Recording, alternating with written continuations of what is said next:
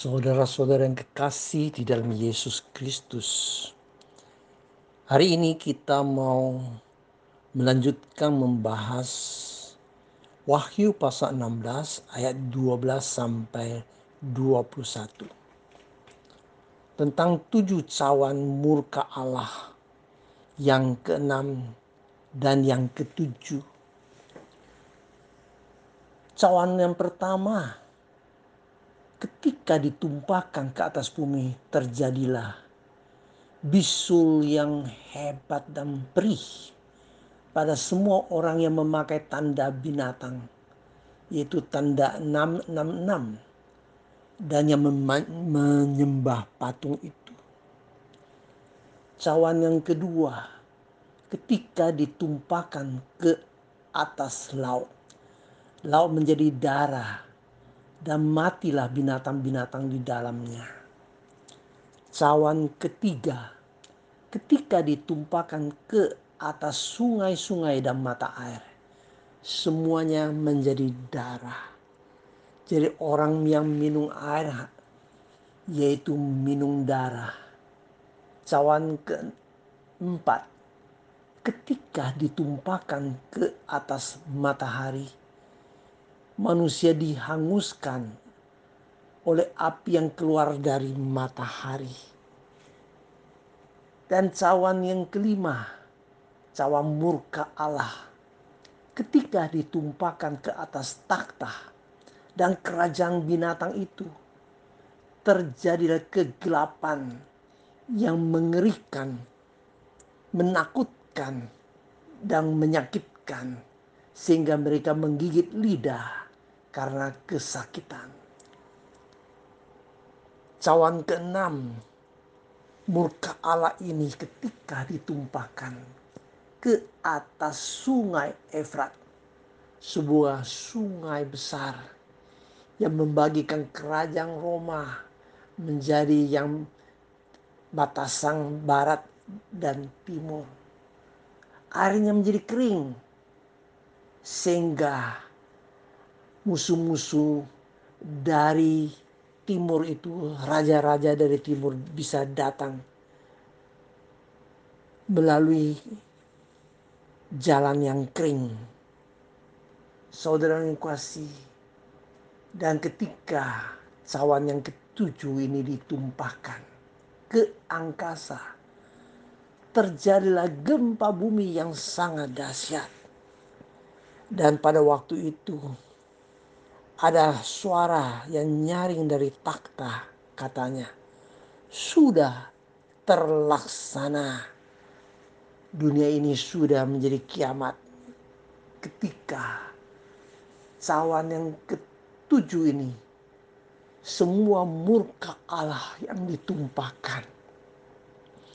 Saudara yang kekasih kapan sebenarnya kiamat itu datang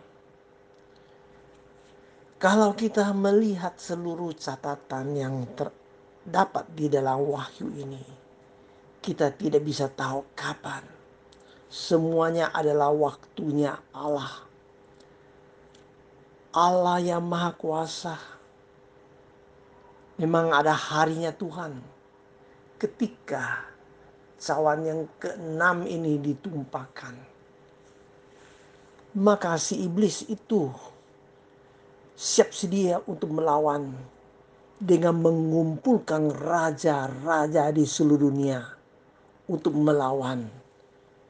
Dan waktu itu ayat 16 ketika dengan rohnya roh jahat roh, roh najis itu mengumpulkan raja-raja di seluruh dunia itu di suatu tempat yang bernama Harmagedon. Harmagedon ini merupakan suatu nama yang mengatakan adalah perang terakhir dunia ini. Perang dunia yang terakhir atau perang dunia pada hari kiamat. Semua raja-raja di dunia ini mau melawan raja atas segala raja ada film-film yang di Hollywood yang memakai nama ini Armageddon untuk menjelaskan tentang peperangan ini. Tapi kita tidak jelas tentang peperangan ini. Hanya di sini dikatakan pada waktu itu si Yohanes melihat dari mulut naga dan dari mulut binatang dan dari mulut nabi palsu keluar tiga roh najis yang menyerupai katak. Roh-roh najis itulah namanya roh-roh setan. Dari mulut naga yaitu si iblis. Dari binatang itu yaitu antikristus.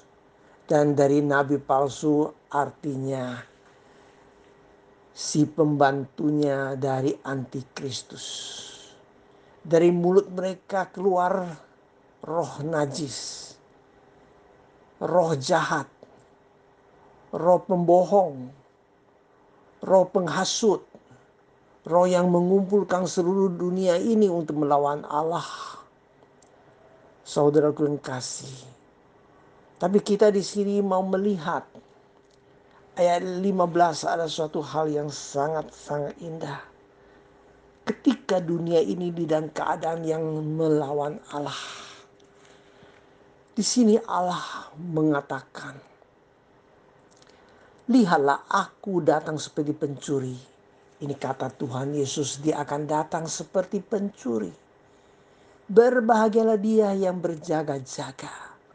Luar biasa ketika Allah mau menghukum dunia ini, Allah tetap mau nyatakan ingin manusia bertobat.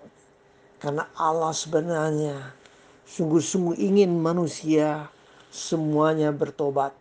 Seperti pernah dikatakan oleh Rasul Petrus di 2 Petrus pasal 3 ayat 9 Allah tidak ingin manusia itu binasa tapi Allah ingin semua orang bertobat.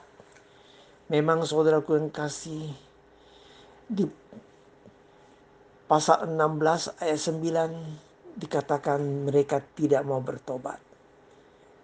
Ayat 11 sekali lagi dikatakan tidak mau bertobat. Ayat 21 saudaraku yang kasih juga dikatakan mereka tetap menghujat Allah. Tetap menolak Allah Sungguh sesuatu hal yang sangat-sangat menyedihkan.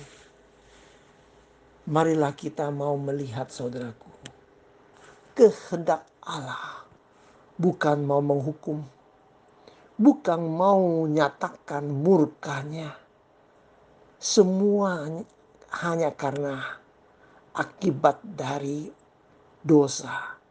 Akibat dari tidak mau bertobat marilah kita melihat ketika ada tujuh cawan ini ditumpahkan. Di tengah-tengahnya Allah menyatakan berbahagialah orang yang berjaga-jaga yang tetap ikut Tuhan yang tetap terjaga menjadi anak Tuhan yang tetap memakai pakaian putih yang tetap menjadi anak Tuhan yang mulia. Marilah kita melihat bahwa di sini ada tercatat dari salah satu bahagia. Di Wahyu ada tujuh bahagia. Ini salah satunya saudaraku yang kasih. Marilah di dunia yang sangat mengerikan ini di berbagai kesusahan, marilah kita tetap ikut Tuhan Yesus, sehingga kita bisa menikmati bahagia yang ditetapkan bagi kita. Amin.